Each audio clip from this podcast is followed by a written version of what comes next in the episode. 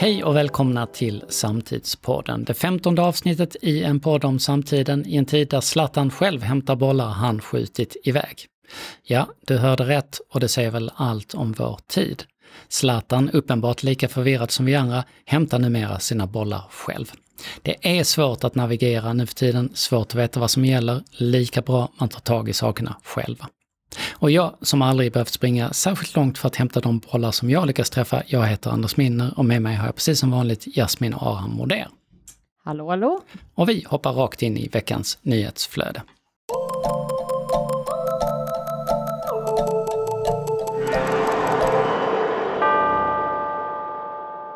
Och det här är alltså den avdelning av podden där vi gör Boba Tea av veckans nyhetsflod. Och det har varit en knasig vecka.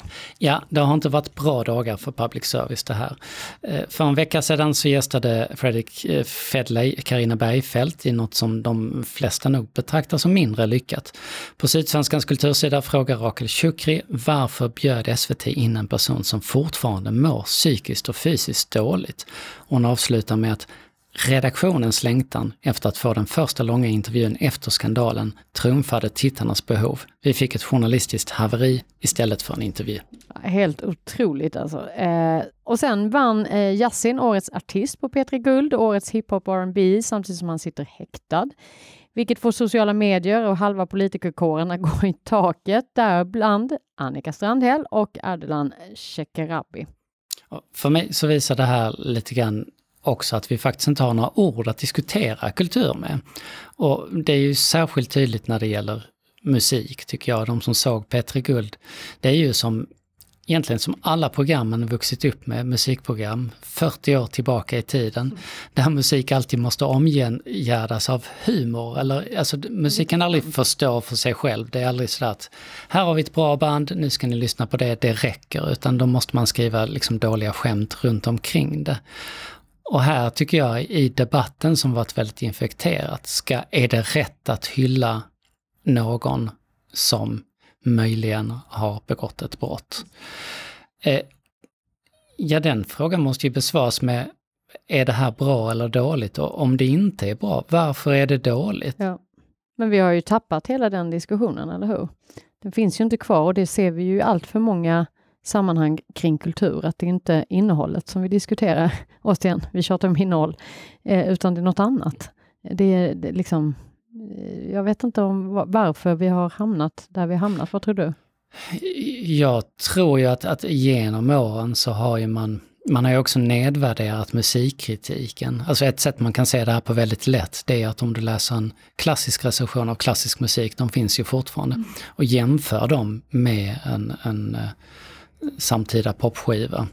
Språket och, och liksom kompetensen som finns att bevaka det är helt annorlunda. Sen ska man ju också säga såklart att att modern musik eller popmusik som, som fenomen handlar ju om mer än musik. Mm. Det, det, är liksom en bred kulturell, mm.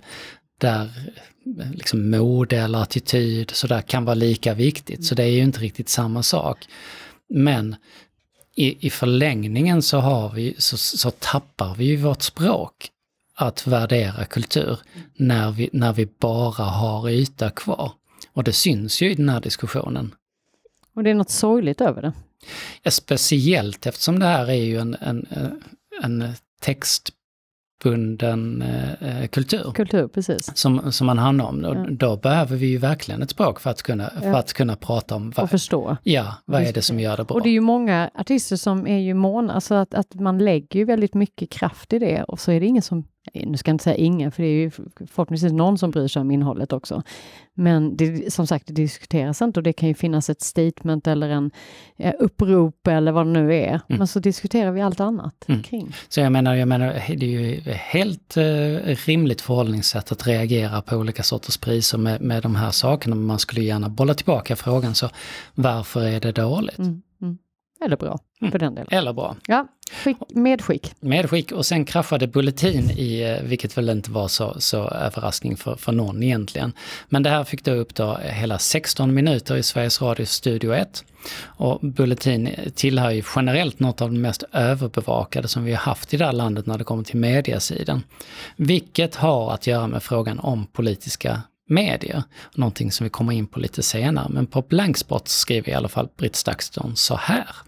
Måtte det som skedde i Studio 1 igår vara slutet för bevakningen av Bulletin. Vi fick då höra avgående redaktionschef Ivar Arpi debattera med ägaren Pontus Tolin, som för övrigt också meddelade sin avgång från vd-positionen under sändningen. En diskussion om Arpis avgångsvederlag och deras interna gnabb om en poddsek om att poddsektionen flyttats på sajten som helt uppenbart varit ett slagträ dem emellan under helgen.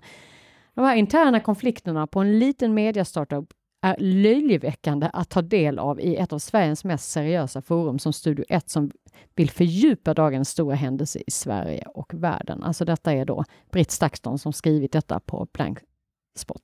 Mm.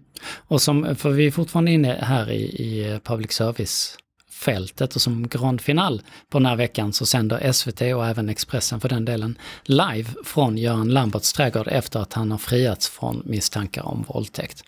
Under sändningen så hävdar Lambert sin eh, oskuld och eh, kallar målsägaren för lögnerska, bedragerska och nämner dessutom hennes namn. Och till DN säger eh, då journalisten Lisa Bjurvald Eh, citat, jag kan inte dra mig till minnes något liknande övertramp av den här graden på mycket lång tid. Hon säger en tongivande sexbrottsanklagad man som dompterar församlade medier i en egenregisserad presskonferens där han som Leif GW Persson uttrycker det tar heder och ära av målsägande, kallar henne lögnerska och så vidare och dessutom namnger henne? Frågetecken. Man baxnar över hur medierna som sände tänkte om alls. Alltså detta är, det, det är så brutalt. Nu, det här är mina ord, det är inte Lisas längre. Detta är, det är som en fars, det är som en dålig såpopera. Ja, hur det, har det gått till? Hur tänkte man? Det är det, och här kommer man in till det stora problemet tycker jag med, med, med public service-situationen. För public service är hotat av en, en ganska ny politisk opinion. Och framförallt av det här nya fältet tror jag själv, alltså SDM, KD. Det är inte alls säkert vad som händer framöver public service spelar en jättestor viktig roll, liksom demokratisk roll. Och då måste man ju skärpa sig, man måste inse att man klarar av att hantera nyheter på ett professionellt sätt. I det här sammanhanget, för, för vi kommer ganska snabbt in på den politiska vinklingen och vad man tycker om public service från olika fält. Eh, det finns en ideell förening, jag tror den startades av Göteborgs-Posten och Göteborgs universitet från början på 90-talet, om jag minns rätt, som heter Medieakademin.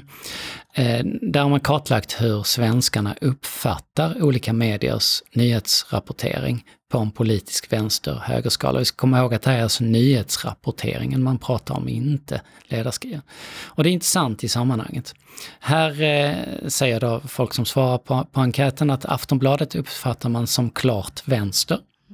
Svenska Dagbladet uppfattar man som klart höger och för nästan alla andra så är då den neutrala rapporteringen överhängande, att man tycker att folk är neutrala. Emanuel Karlsten som är journalist och ordförande i mediaakademin skriver i en Facebookgrupp som heter Journalistbubblan så här. Det finns dock ändå något besvärande, inte minst för public service, att en så stor grupp eh, uppfattar deras rapportering som lutande åt vänster. För siffrorna här för SVT är att 17% uppfattar eh, SVT som klart till vänster, 22 något till vänster, men bara 2% som något till höger. Och i sammanhanget ska man också nämna att de som har högerpolitiska sympatier tycker då att alla medier förutom SvD, eh, Svenska Dagbladet, är vänstermedier. Mm. Så man ser världen som, är, som det här stora vänsterfältet. Och då kan man ju fråga sig, men vad beror det här då på? Dels tror jag att folk inte kan skilja på det man brukar kalla för news och views, det vill säga åsikter och nyhetsrapportering. Men också att de här medierna har gjort opinion till sina varumärken. Och jag tror, inte att, jag tror inte att folk idag kan nämna tongivande reportrar på tidningar, inte särskilt många i alla fall. Nej, det är några få. Så om man säger tänk på någon på Aftonbladet, då tänker folk nog på, på opinionsjournalisterna. Mm. Mm. Så tror jag också. 90-talet var det inte så där. Då hade vi de här alfahannarna mm. liksom, som mm. Janne Josefsson och de där som var kända varumärken. Ja. Nu tänker man på andra typer av människor. Och då tror jag inte, alltså jag kommer ihåg på 90-talet när jag började läsa opinionssidorna mycket mer aktivt som statsvetare jag var. det var, ju, det var ju få som läste opinionssidorna tänkte jag, mm. tror jag. Ja, nu är de ju mycket mer de. Närvarande i alla våra sociala medier. Det är de man hör och, och ser liksom. Eller hur? Så att man, man på något sätt bits man sig själv lite grann i, i svansen här i sin marknadsföring. Sen tror jag också att debatten fäster. Vi har haft en stor debatt från högerhåll, ska ni, liksom att, att public service är vänstervridet. De var duktiga på att peka på de fall där det faktiskt är det. Vi är människor, alltså, mm. journalister är ju inte neutrala Nej, på, i sin, men man kan ju ha ett professionellt förhållningssätt ändå. Eh, det tror jag faktiskt biter. Och eh, då ser, bortser man ju från sådana här saker som, ja men Agenda till exempel uppfattar jag som klart högervridet. Mm, mm. Som bara tjatar efter en migrationspolitisk agenda som vi hittar på, på högerhåll om och om igen. Men man kan uppenbarligen titta på det här och tycka att det här är vänster i alla mm. fall. Va, vad tänker du när du hör siffrorna Jasmin? Um, nej men det är ju, det är ju något besvärande. Uh, man hade ju gärna sett någon typ av neutral granskning, uh, liksom hur det egentligen är. Alltså, därför precis som du säger, vi är, så, vi är bara människor och vi, vi hör det man vill höra och sen så sätter man det i ett fack. Mm. Eh, lite intressant att hade jag ju tyckt som om jag hade varit chef inom SVT eller någon annan eh, public service så hade jag ju försökt ta reda på liksom, och också prata då med mina medarbetare att, att försöka, vi behöver bli tydligare på att vara neutrala och kanske då tidningarna tillbaks där att lite grann skilja mer på nyhets och opinion. Och sen samtidigt så är man ju idag, man är ju så livrädd eftersom man får så mycket, framförallt från liksom eh, höger högerhåll, mm. att man, man vågar inte uttrycka någonting. Nej, det är som de där skämten som folk säger, så, men nu är ju inte Hitler här, kan försvara sig, så ja. vi kan inte prata någonting om andra världskriget. Man är ju livrädd ja, när man, man kommer livrädd. ut på den. Ja. Agendan. Och den, jag tror att den, den har väl under åren gått liksom lite varierat just av rädslorna liksom. Men att eh, ja, men också våga ja, men lite grann stå upp lite mer för sina... Det är svårt där, man måste ju å ena sidan vara neutral, men i vissa sammanhang så kan ju... Man måste ju kunna ta in åsikter. Ja? Mm. Alltså inte bara eh, objektiv eh, eh rapportering. Men, men det är ju det där att vi, vi är så åsiktsbundna idag att, att, att en, en traditionell nyhetsjournalistik ses som tråkig och då vill man liksom alltid peppa upp den. Och kan man dessutom addera ett live-moment så blir det lite mer spännande och det är därför man hoppar dit och sänder live, vilket är fullständigt tokigt och hade, det hade man ju aldrig gjort för 20 år sedan ungefär. En annan intressant sak är att vi knappt har några vänstermedier i det här landet. Nej, det, det är ju, är ju i, i, de flesta, i dagspress så är de liberala tidningarna vanligast och så har vi politiskt obundna som, inga, alltså som Dagens Industri eller sådär, men som ingen skulle betrakta som vänster i det heller. Men de vänstertidningarna som man kan räkna upp, det är klart att vi, vi har Aftonbladet som är stora på, på ledarsidan. Sen kommer ju tidningar som Arbetaren, Flamman, Dagens ETC, kanske Feministiskt perspektiv, en rad tidskrifter som, som eh, Röd press, Röda rummet, Direkt aktion, och jag skulle gissa att du kommer inte i kontakt med de här tidningarna, Nej, det är inte, Jasmin? Det är i några stycken här eh, av de mest eh, obvious. Eh, men, men nej. Man kan ju också fråga sig vad, vad är en fast punkt i en glidande skala? Mm. Eh, och det ser man ju på de här svaren då att de som är till höger betraktar enbart Svenska Dagbladet som, som höger. Som Alla andra är i vänster för det förflyttar sig. Mm. Så jag har en rolig historia. Jag jobbade ett tag på Expressens ledarsida för mm. länge sedan nu. Mm.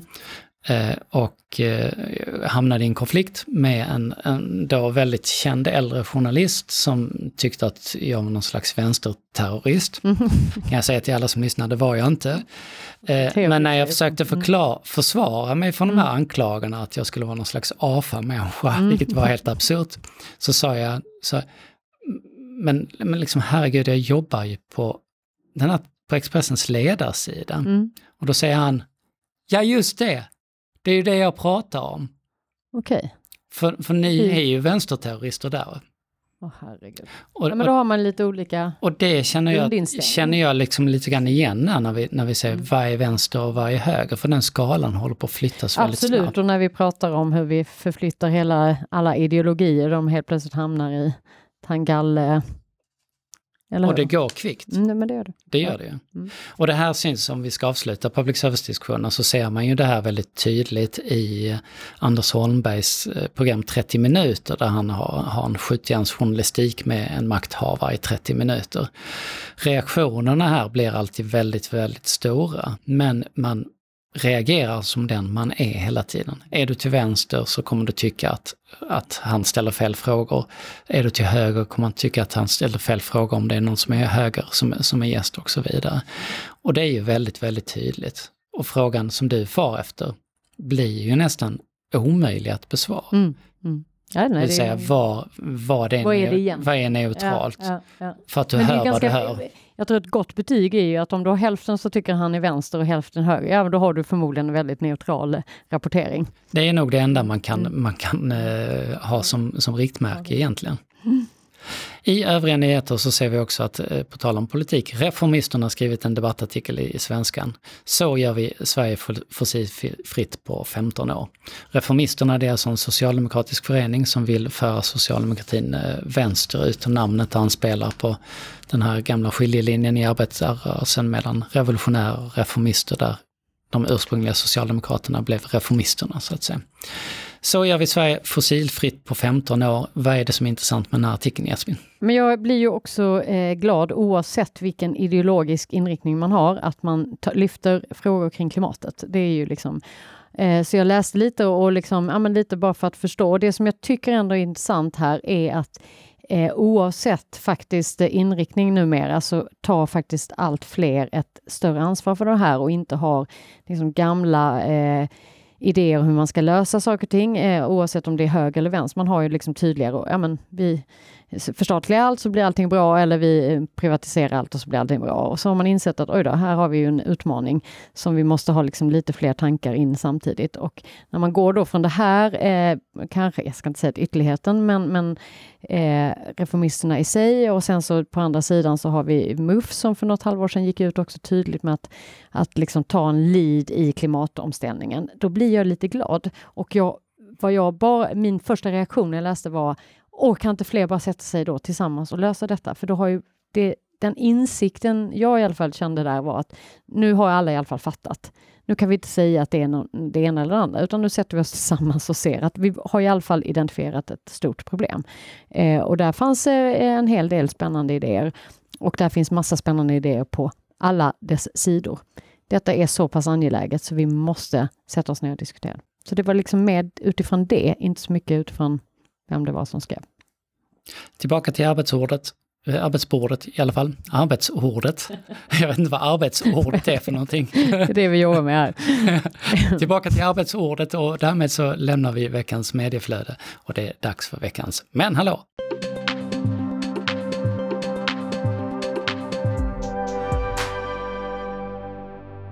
Och det här är alltså den avdelning av podden där vi höjer våra ögonbryn till toppen av huvudet. Hur man nu gör det. Och den här veckan gör vi det över nyheten om att eh, J.K. Rowling, eh, som länge utkämpat eh, en infekterad strid om transpersoner som ingen riktigt fattat varför hon håller på med, har nu fått stöd av Ralph Finn, Finn, Finn, Fjän, tror jag. Fjän, eh, som inte förstår hatet med någon som inte tycker om eh, dig själv. Eh, och det roliga i sammanhanget är ju att den andra sidan har fått stöd av Harry Potter och eh, Herma- Hermione, du har problem, Varför kan jag inte du har problem med? Harry Nu Potter-namnen. kommer mina barn skälla på mig igen för att jag kan aldrig Ja. säga hennes namn. Hermione. Hermione. Eh, förlåt, Hermione. Eh, I alla fall, så ena, ena sidan har de fått stöd av Harry Potter och hennes grejer nu bara. Och nu får alltså Rowling stöd av Voldemort. Det är fantastiskt. Vi har Vilket en litet krig. Vem väljer man i den sidan? Ja. Harry Potter och Hermione på ena sidan. Nej, jag går ju på Harry Potter. Voldemort på den andra.